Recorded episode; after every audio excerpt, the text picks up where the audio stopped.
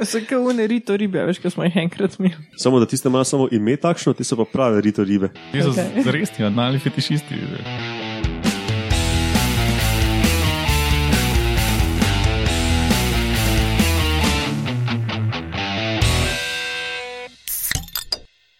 Lepo zdrav, poslušate 35. oddajo Metamorfoza, to je podcast o biologiji organizmov, ki vam jo predstavimo skozi lahkoten pogovor o pivu. Metamorfoza gostuje na medijskem mreži Metina Lista. Danes je z mano standardna ekipa biologov. Eh, Za mešalko sedi naš eh, tonski mojster in biostatistik Roman Luštrik. Živijo. Levo od mene sedi naravovarstvenica in ljubiteljica posebnih življenjskih prostorov Urša Fležar. Hej, čau. in uh, gostitelja, vsaj fizična gostitelja, Svetavci, vidiš. Alenka in Lauro Rozman, etnobotanika, ki poznata vsako rastlinico, ki pri nas raste. To si se malo zlagal. Ste pa vsako uporabno, ali pa, skor, ali pa večino uporabnih. Tiska gre v šnomc. V bistvu sem hotel narediti prehod, ne, da zdaj uh, že nekaj tednov vajen blog spet operativen, ne, Ja, to pa je res. tako da bomo spet začeli dajati link do tega v zapiske za kak uh, slasten recept, Je prišel iz počitnic domov. ja, iz poletnih. Plus jesen je bogato obrodile, tako da je treba kaj pa iz tega narediti. Ok, um, za vse druge admin zadeve, kje nas najdete in podobno, bomo povedali na koncu oddaje. Tako da preden začnemo, povemo še, kdaj to snemamo. Na današnji dan, leta 1962, je umrl Niels Bohr, ta znani danski fizik, ki je ogromno prispeval k razumevanju um, zgradbe atoma, ki je dobil tudi Nobelovo nagrado 1922 za to. Uh, bil pa je tudi futbaler, Golman. O, Njegov brat je špijal celo za dansko reprezentanco, eh, skupaj sta pa igrala tudi za neki lokalni danski klub. No. In uh, Nils Bor je brano za ta klub. ok, pa začnemo z novicami.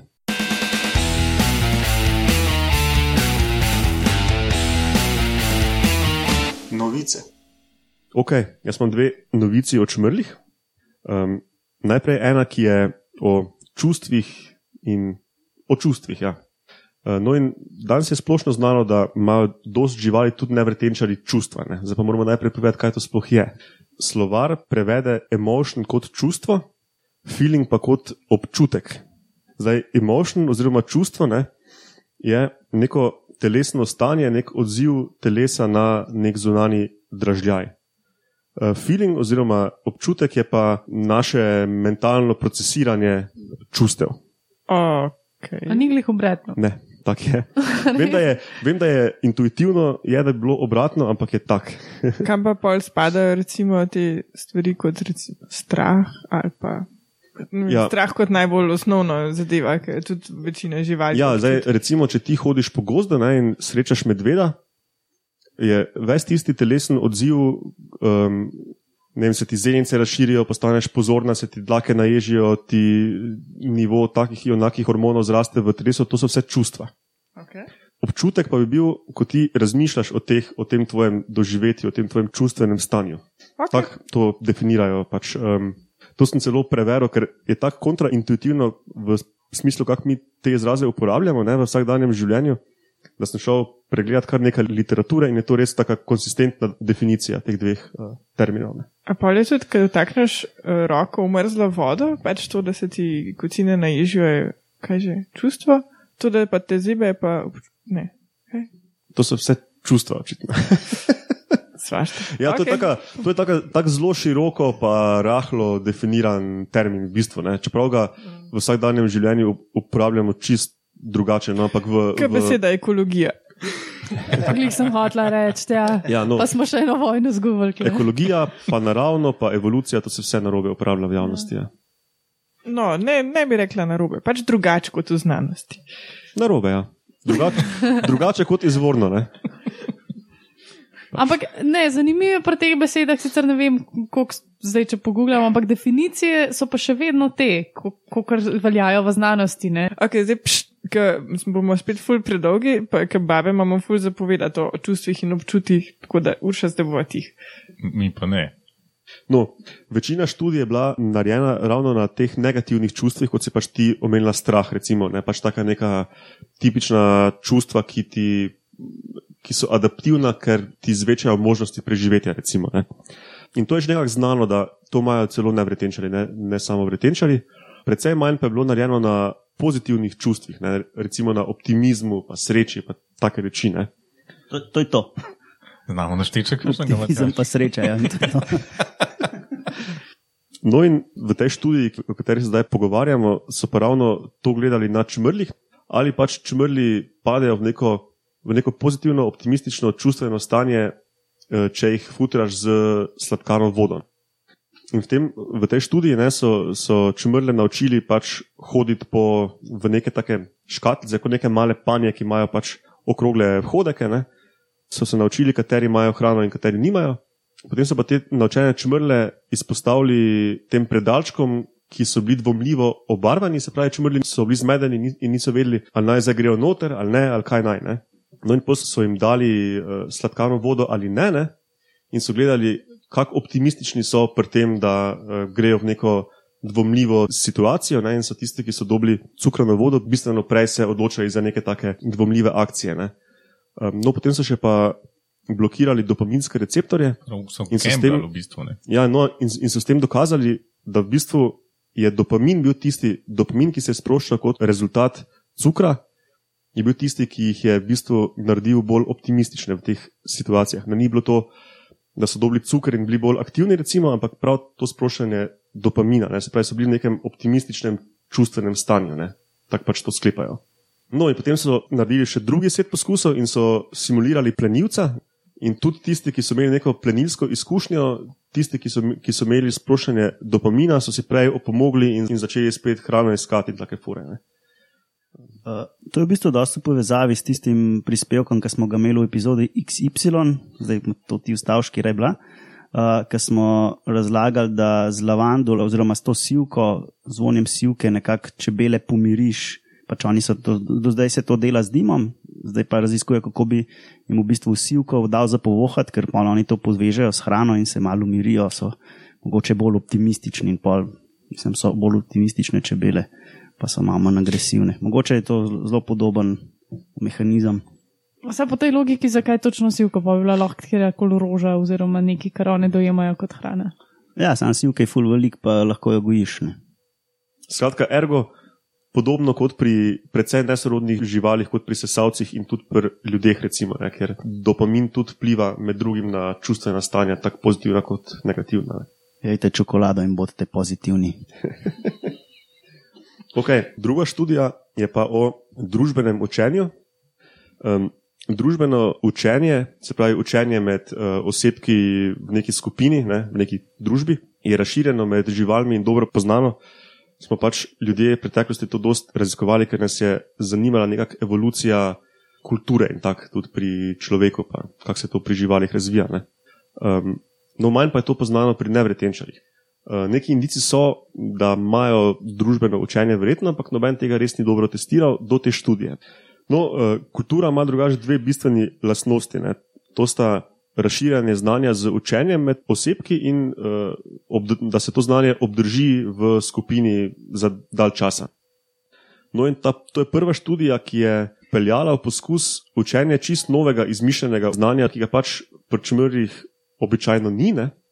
Uh, in so potem tudi gledali, kako se to obdrži v skupini. In sicer so jim naredili umetne cvetove z sladkarno vodo. Ti umetni cvetovi so bili pod um, enim pleksisteklom z vrvico ne? in so se mogli čmrlčki naučiti pač potegniti za to vrvico, da so tisti umetni cvet z cukrano vodo pač potegnili ven.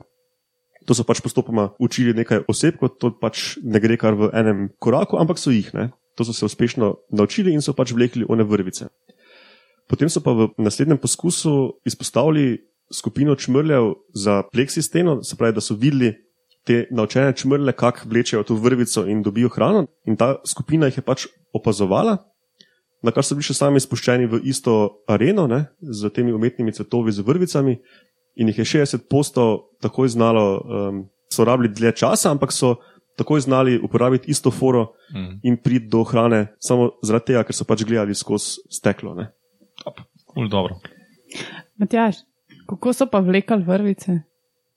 Pa z nogam, verjetno. Ja, pač um, ni to vlečenje kot pri ljudeh, ne, to je pač bolj praskanje po tleh, pa vmes zahakla vrvico, pa jo potegne. Pa tak, ne. Na ta način so se tudi naučili. Ne. Ono postopno učenje je pač bilo tako, da so prvo je bil tisti cvet s cukrom zraven pleksi stekla, pa so ga pol uh, v neki fazi uh, samo na pol potisnili pod pleksi, pa na tri četrt, pa potem bila čist kratka vrvica, pa, pa, pa malo daljša vrvica in tako, da so pač postopoma trajali en error, da se je tista prva skupina naučila um, vlečne to vrvico. No, drugače, primerjavo, ne, um, ko so spustili tudi kot kontrolo 50 čmrlov uh, k tem cvetom, je samo dvem ratalo čist po naključju to vrvico potegniti ven, ne? ker sta pač bila dva osebka dovolj strajna in motivirana, da sta pač tako dolgo tam nekaj delala okoli, da jim je to ratalo, kar je 4% ne? v oni eksperimentalni skupini, spravi čmrli, ki so gledali um, svoje učitelje ne? skozi steno, um, se jih je pa 60% uh, to naučilo. Ne? To je ravno statistično značilno. Ja, to je zelo lep, velik procent. Um, No, in uh, potem so naredili še dodaten poizkus, ker so dali enega od teh čmrljev, ki je to znal, v kolonijo, ne? In so jim pač so te koloniji dali hrano v teh cvetovih, povezanih z vrvico, in so se potem morali, se pravi, vsi, razen enega osebka, učiti od tega enega učitelja. Ne? In se to seveda zelo hitro razširilo po celi populaciji naknadni čmrlički se niso učili samo od prvega učitelja, ampak tudi od nadaljnih učiteljev. In potem tudi, če je tisti ta prvi učitelj umrl, se je še vedno ta sposobnost širila po populaciji in obstala za več, za dlje časa. Se pravi, to so na nek način zametki kulture v smislu, da na ta način nastajajo potem kulturne razlike med skupinami, ne, ja, ki se z učenjem potem prenašajo na nove rodove. Mhm. Teda meni se to zdi top. Kar je pri sesalcih ja. splošno znano. Ne, ja. Pri nevretenčih pa je to prva taka študija, ki to pokaže. Ja. Mhm. Čmrli imajo to nesrečo, da imajo, um, kako se to lepo reče, prekinjene generacije. Ne? Se pravi, tista matica verjetno ne uspe blazno veliko naučiti v naslednje leto svojih delok. To je res, ja. Če pa je aktivna. Ja, matica na začetku dela vse dokler, de, dokler prve delovke ne izletijo. V bistvu. uh -huh. Da to lahko kar nekaj časa spomladi. Se pravi, je nekaj, nek čas, ki bi lahko to delali. Ja. Zdaj pa še prosim, Roman, razloži, kaj so to prekinjene generacije. Uh, to pomeni, da jeseni bolj ali manj v zarod umre, samo tiste mati, pač matice izletijo in se zakopljajo, in pa spomladi iščejo nova gnezda in tam začnejo spet iz, ne iz nule, ampak iz ene. No, ampak bistvo je, da so pač pokazali, da pri insektih je to možno. Ne? Če to čmrli zmorejo, zmore še kdo. Ne? Celo živali brez možganov se lahko če se naučijo. Pa no, vse imajo neke kvazi možgane, drugačne sorte. Predvsej manj žučnih celic, pa take. Ja, pač nimajo centraliziranega živčeva, kot mi, ampak imajo kar en preplet ganglijev. Mhm. Vozlo. Ok, to je to, kar se čmrlo tiče. Pa bo zdaj nekaj Loro povedal o sluhu pajkov. Ja, no, spet so eni študijo delali um, o pajkih, ne morete verjeti. No, pač eni so porajtali, um, da um, imajo um, pajki neke dlačice na nogah in pol so jih poimenovali trihobotri. In ugotovili so, da z njimi zaznavajo, da se uh, zrak ali pa podlaga trese. Ampak to je bilo že davno tega, ne? to, to že dolgo vejo.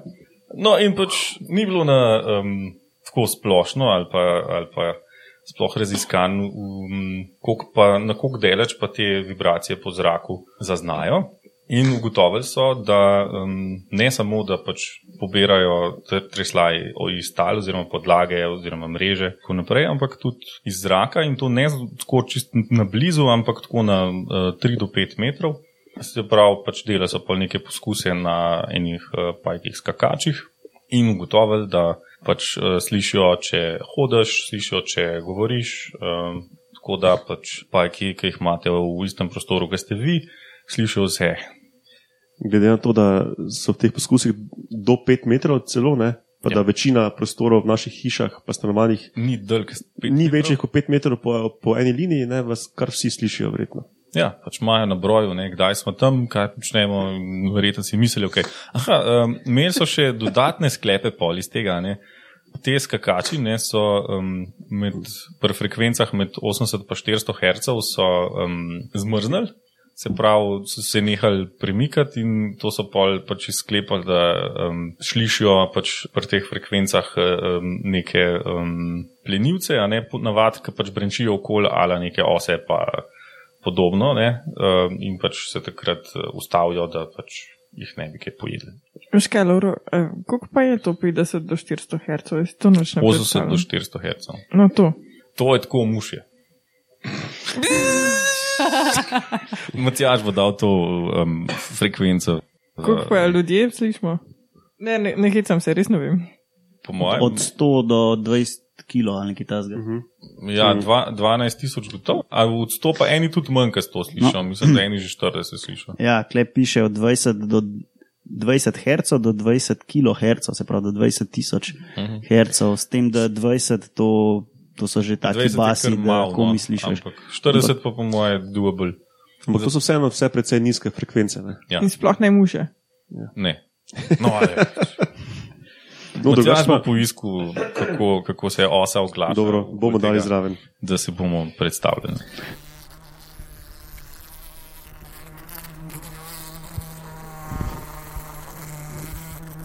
Um, drugač pa ti tri hobotriji, kot se je rekel, so dobro znani. Ne? In pač um, tudi dobro dokumentirano je, kako pajki zaznavajo plen uh, s pomočjo teh trih hobotrijev, kar je recimo na rangu nekaj deset centimetrov. Ne? Pač pajki so v odsotnosti vidnih uh, dražljajev sposobni skočiti na neko muhco na, na 20 centi, recimo, ne? pač samo s pomočjo trih hobotrijev. Noben pa v bistvu do zdaj ni razmišljal o tem, da bi pa z istim organom, pravi z istimi trihobotri, temi dlakicami, poslušali na neke daljše razdalje plenilce. Recimo, ne. Ampak po drugi strani je pa skrajno logično, ne? ja, ja, ja, To ja. delamo. Samo eno vprašanje, a so tudi kaj umenjali, uh, a zaznavajo smer tega zvoka? Um, to ne vem, so pa testirali v uh, sobi, ki ni, uh, ker ni bilo odbojev zvoka od sten. Pak ne vem, če so smer zaznavali. Po mojem bo to v nadaljnih študijah. Predstavljal bi si, da je možno, ne, če, more, če to neko dlakico fizično upogne. Ne. Ja, pa če imaš dve noge, ne, daš dve na, Ja, ja, dol, pa, pa pa imaš imajo to po, po več nogah, recimo, po več trihobotrijev na več nogah. Ja. Ni sam stereo, ne? Zajemajo na osmih kanalih. Uh, No, drugače pa so to, tudi ti, ki so delali to študijo, so v bistvu čist slučajno prišli do tega odkritja. Ne? Jaz sem poslušal en intervju uh, s tem tipom, ki je prvi avtor tega članka in je rekel, da, so, da se oni drugače ukvarjajo v lebu z, um, z vidom pajkov. In da so že te pajke skakače, ki imajo pač najboljši vid med pajki in enega boljših med nevretenčari, um, da so jih že preklopili na elektrode in so pač hoteli gledati um, živčne signale, glede na neke svetlobne signale, ki, jih, ki bi jim jih tam svetli v, v oči. In pole en študent premaknil stol na drugi strani sobe in je bil vrhec v živčni aktivnosti onega pajka. Ne. In potem so začeli govoriti, pa ploskati, pa premikati po hištvu in so videli, da pač pajek vedno, pač pajkovo živče je vedno odreagira na to. Ne. In potem so hmm. pač bili ono, hm, ne, mi hočemo tukaj kontrolirati zvok, v bistvu vse, kar delamo v sobi, pajek sliši očitno in potem so pač dizajnirali ta poskus. Ne. Ok, to sklene um, današnje novice, pa gremo na ali ste vedeli.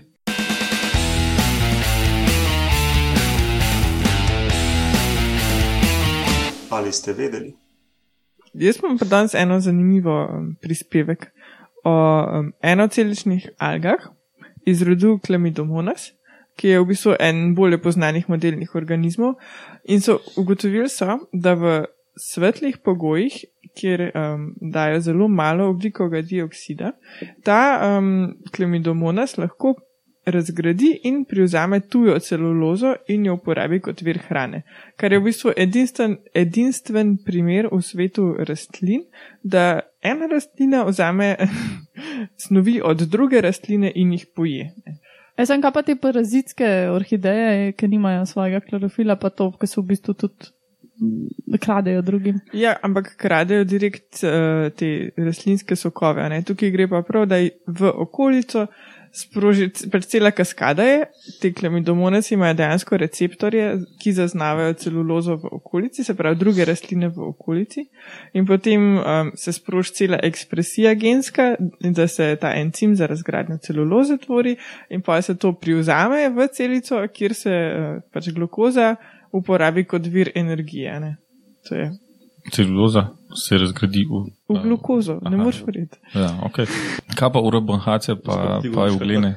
Ja, pač gre za druge mehanizme, ne? pač te orobanhace, ki si rekel, pojalniki so zajedavske rastline, ki zajedajo direktno na koreninah višjih rastlin in privzemajo že rastlinske sokove. a ne.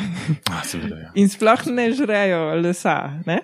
Medtem ko uh, evglene pa so pa tudi pač oboje lahko, ampak une pa z endocitozo zajemajo, se pravi, so tvorijo tako mehurček v, iz um, celične membrane, ki zajame pač vse sorte, karkoli že je v okolici in pa ti spožre in razgradi. Tako je to, če že nekaj rečeš. Ne? Ja, medtem medtem ko celuloza je pač neka kompleksna reč, težko za razkrajati, da je to precej impresivna stvar. Ne? Pač, kaj je celuloza enkrat narejena, se praktično sam gljive večinoma znajo to razgraditi. To je. Ja, Pa kakšni mikroorganizmi, ki jih ima, recimo krava v črevih, pa mi tudi verjetno. Ja, ti so črevih v bistvu ne razgruje krava, ampak gljive pa drugi mikroorganizmi. No, ja. So to je rekla. Ja, no, to je rekla. A ta uh, razgradnja te celuloze poteka zunaj celično, tako nek okolje in pol te monomere prevzame, ali je mogoče tako, da si na membrano veže, pa pol to počasi, ali se pravi kar v okolju. Encime vrže ven in pol tu pa na najboljš. Aha, No, ja, uh, in kako si do, do tega prišla, si rekla? Ja, to je pa, uh, ne vem, vse nisem videla, ne se držim ali ne se smeram. Pač bil je povzetek: Science confirms that people absorb energy from other people. In imela si dva čustvena stanja nasprotna, hkrati ne, smeh in jok. Ja. In pol si o tem razmišljala in si imela čuden občutek. Ja, pač kliknila sem na to, ker se mi je zdelo res absurdno, da pač je znanstveno dokaz, da um, ljudje vzamejo energijo od drugih ljudi in pa vidim, da so imeli jajca citirati pač ta članek in sem ga prebrala, ne, ki, ta članek, ki, na katerem so utemeljili, da ljudje jemljajo energijo od drugih ljudi, pa nosi naslov. Cellulose degradation and assimilation by the unicellular phototrophic eukaryon Chlamydomonas. Tudi klamidomonas je samo človek.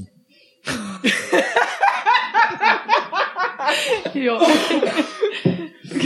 Ne, pač zanimiv se mi je zdel ta science rape.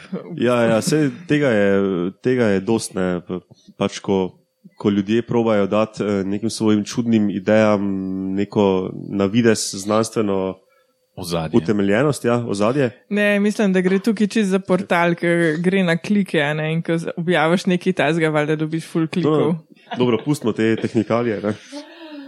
Zanimivo. Um, no, ok, pol pa je to to za ali ste vedeli, pa gremo kar na vaše posebneže.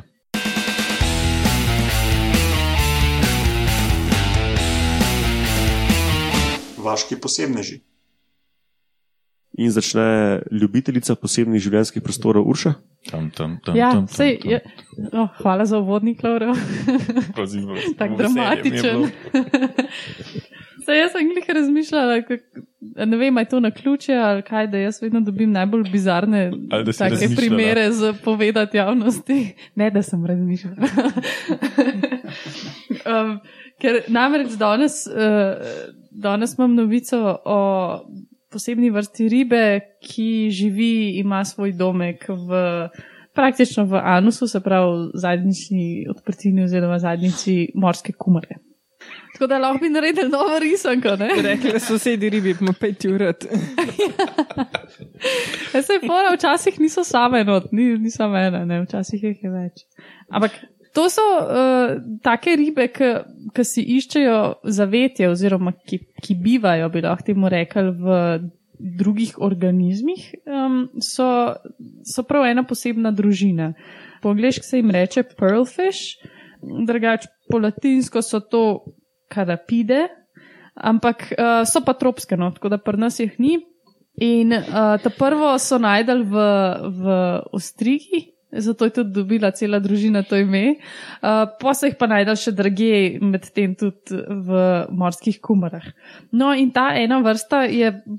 V bistvu je ena vrsta specializirana prav na morske kumare uh, in sicer so, ne vem, mogoče jaz ta prva stvar, ki sem se vprašala, je bila, kako tja not pridajo, ne? kako jih morska kumara pusti v, v svoje telo. Kot une rito ribe, veš, ko smo jih enkrat imeli. Samo da tiste imajo samo ime takšno, ti so pa prave rito ribe. Ti so Okej. okay. res ti analni fetišisti. vidiš. E, No, jaz, ja, ja, ja. analni fetišisti. Uh, in to za morske kumare. Um, ja, nimajo lusk, to je prva, če, če ste se sprašvali, nimajo lusk. Še ena stvar je pa to, da proizvajajo mukus in sicer ga iz, iz svoje, v svojo kožo um, te polisaharide ne, utvorijo, ki se nabirajo taki debeli, uh, debeli plasti in so s tem dobro nalubricirane. Ne. Se pravi, grejo lahko not in kar hočejo, kar jim paše. Um, sicer je to tako, da mislim, lahko grejo z glavno, lahko grejo z, gre, z repom naprej, ne, to je vseeno, kar se odločijo. Um, je pa zanimivo, kaj je pisalo, da če grejo z glavo naprej, malo potrkajo, ne, kot da bi potrkali, pa se pa v bistvu tisto luknja, se pravi, anus odpre in pa grejo noter. Ne. Če grejo pa z repom, pa izkoriščajo to naravno, uh, naravno gibanje oziroma uh, vedenje, no, vedenje. Pač te naravne procese morske kumare, ki skozi zadnico nekako tudi dihajo. No. Um, pač ta zadnica od morske kumare je ista odprtina in za, za prebavni trakt in za neka, neke vrste pljuča, ki jih imajo morske kumare in potem redno tudi odpirajo in zapirajo to zadnično odprtino. Ne. Tako da eh, to tudi lahko izkoristijo te ribice, da pridejo noter. Ni treba vsakič potrkati pa. Pa pol čakati, da se tisto odpre. Um, Potrkati na rit. Ne, se, se je logično, ne? če se mudi, moraš hitro z glavo naprej. Jet, ja, ja. Če se pa ne mudi, greš pa lahko rikot Pa sparkiraš. počakaš, da se odpre samo od sebe, pa lepo noter uh, skočiš. Ja. Da nisi nevljuden. Ja, ja. Zdaj pa odvisen to, kakšna je, uh, koliko je velika tista morska kumara, v kateri so, ampak ni nujno, da noter biva samo ena riba. Nekje so jih najdel celo do 16, je bilo noter v morski kumari. Tako da zgleda, da je fajn gužva. Pa se pa vprašanje tudi, ne, morski kumari to čist paše, oziroma kaj ima morska kumara od tega, da jih ne, ne izbaci ven, zato ker morske kumare imajo tudi tako obrambni mehanizem, da praktično vso svoje te, uh, ta pljuča njihova oziroma uh, prebavni trakt lahko izpljunejo ven skozi to zadnjičo odprtino v, v obrambi pred plenilci. In zakaj tega ne naredijo, če se jim not naguzi 16 rib? Ne? Tako da tega še ne vejo. To, to je še neko misteriozno vedenje morskih kumar, ki še čaka na znanost, da, jo, da, Morda pa da je ga bo. mukus hranljiv. Ali so pa ribe dobre za prebavo? Mogoče pomagajo. Ali Čeprav, pa kakajo noter. ne vem, to, to so po- nerešena vprašanja. Lahko pa, da pač nima nič od tega, pa nič tudi škode, ne, pa je pol pač Ali pa všeč, ker imaš gečka. Se počuti bolj izpopolnjeno. Ja. Tako da to je to. Ok, cool. Dobro, pa še za konec čist ena kratka novica, ki sem jo štulu, zdaj vsem na konec, ker smo pač uh, mi um, v naši skupini pred mislim, petimi, šestimi dnevi objavili eno kratko novičko o enih pajkih iz Južne in Jugoshodne Azije, ki oponašajo liste. Evo, pa vam zdaj pokažem sliko, tako izgledajo. Pa bomo dali v zapiske uh, slike, da bodo tudi poslušalci Si. lahko videli na spletni strani. Zdaj, mi smo to sicer pomenovali maškarada, masquerade, ker pa zdaj pač v biologiji ni čist uh, konsenza, kaj je mimikrija, pa če je mimikrija neka nadpomenka nekih drugih terminov, pa se nam zdi najbolj logično slediti temu, da mimikrija opisuje tisto, kar prevara čute, ne? se pravi, da recimo je mimikrija tisto, če se nek osebek recimo zlije z okoljem, in ti sploh ne veš, da je tam še en drug objekt kot okolje. Recimo, če pač um, neka živalca zgleda kot ljubje in tam ždi, ali pa kot lišaj in ždi na, ždi na deblu drevesa in se čist zlije s tem, in pač potem neka žival, ki je potencialni plenilec, sploh ne vidi tega osebka. Za maškarado pa nekako smatramo živali, ki se. Ki pa prevarajo možgane, ne? v smislu, da pač ti vidiš ta objekt kot ločeno od uh, okolja, ampak ne prepoznaš tega objekta za to, kar je, ampak misliš, da je nekaj druga. Se pravi, da pač se pajek ne zlije z okoljem, ampak pač zgleda kot list in ti misliš, da je list. Kapaličnjaki. Recimo. Ja. No, in to je, prva, to je prvi primer maškarade pri pajkih, ki je tako morfološka kot vedenska, ne? pa tudi prva, ker gre za žive liste. No, in um, ta pajek zgleda kot zelen list skupaj z žilami, pa z odlačenim pecljem, pač tisti zadek je razširjen, tako hrbtasto gor v, v, v tanki izraste, ki zgleda kot en pecel z dlakicami, kot je pač pogosto pri listih. No, hkrati pa potem še ta pajek, ko pač nima mreže in, in miruje tam na nekih vejicah, visi na neki svoji nitki, ne, um, se spusti do tali in dvigne podobne liste na nitke v svoji okolici in visi med, med njimi in se na, na ta način v bistvu zlije z okolico. Ne. Bastard. Ja, ampak se ne, če si rekel, da imaš karada. Še zmeraj No, je list. postane ne, neprepoznaven. Ja, Ja, ja. ja. Tak je. No, in tu prav vidite na slikah, kako to zgleda. pa Vse te slike bodo šle tudi v zapiske. In to mu pa ful pomaga loviti, ali kaj? Ne, ne, ne, ti pajki delajo mreže samo po noči, čez dan pa visijo pač na nekih vejicah. A ja, pa so v bistvu pred plenilci to, Mhm, ne zato, mhm. da bi zavedel Ja, svoje. ja, ja. Aha. A pol, v bistvu bi bil podoben primer, ti imaš karade, recimo tisti pajki, ki mravlje ponašajo. Ja, ja, samo da ona je pa agresiven tip, ker pač ni tvoj namen se skrit, ampak pač ne skrit pred, pred plenilci, ampak sk- skrit pred plenom. Ja, ja ok, pol pa je, ja, še nekaj. Um, še v eni želji po uh, večji interaktivnosti podcasta. Ne? Sem jaz mislil, da bi tudi um, tu pa tam predvajali kakšne zvoke vaških posebnežev. In um, kako se vam zdi, da bi recimo danes predvajal zvok neke, nekega organizma, ki bi ga podebatirali kot vaškega posebneža v naslednji oddaji, recimo, in potem imajo tudi poslušalci čas ogibati, kaj je to. Sam še zem ne sme delati. Hm? Ne smeš še zem delati na tem zvoku. Ja, dajmo, dajmo, dajmo. To pa ne vem, če uh, prepozna ta aplikacija. No, na, vaški posebnež v oddaji 36 bo ta, ki se oglaša takole. Ne?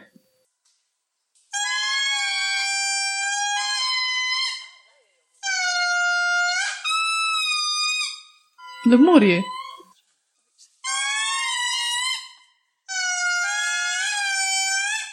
Sem kateri lemurji? Odlačeni lemuri. Prav imaš uša. Ja. Indri, ja, etek. Ne, se Ja, to, zdaj boš ni bilo noter. mišljeno, da ti to vidiš. Nisem videla, to vem. Sej, vsi, ki smo gledali Afriko in Madagaskar in vse te BBC-jeve dokumentarce, najbrž to imamo imprintano no, No. v glavi. bomo povedali več o njih naslednjič. Ok, potem pa je to, to za 35. oddajo podcasta. Poslušalci nas lahko dobite na Facebooku Metamorfoza, pa na e-mail metamorfoza.afnametinalista.si. Tukaj moram povedati, da je Metina lista ravno kar prenavljala spletno stran in premikala stvari po strežnikih, in sem tudi jaz izgubil vse maile, tako da če je to dopisal v zadnjem tednu, jaz tega maila nisem videl. Um, Romana dobite na Twitterju pod @romunov, Uršo pod @gozna jožica, mene pod @matjaš Gregorič, pa metamorfozo na Twitterju pod hashtag metamorfoza. Um, z anketo smo zaključili, dobili smo 33 pravilno izpolnjenih anket. 12 ljudi se je prijavilo za žrebanje, um, katerih 10 bo dobilo nek, nek um, kako se temu reče, simbolni prispevek ustvarjateljev, tako da bomo to dali vsem 12. Ne? Um, ja, teda hvala vsem, ki ste izpolnili anketo. Uh, Predvsej nam je pomagalo, kar smo zvedeli, pa bomo probali se uh, popraviti, glede na vaše uh, namige. Ja, pa do poslušanja naslednjič. Ne? Hvala vam štirim za sodelovanje, pa poslušalcem za poslušanje. To je to. Adijo.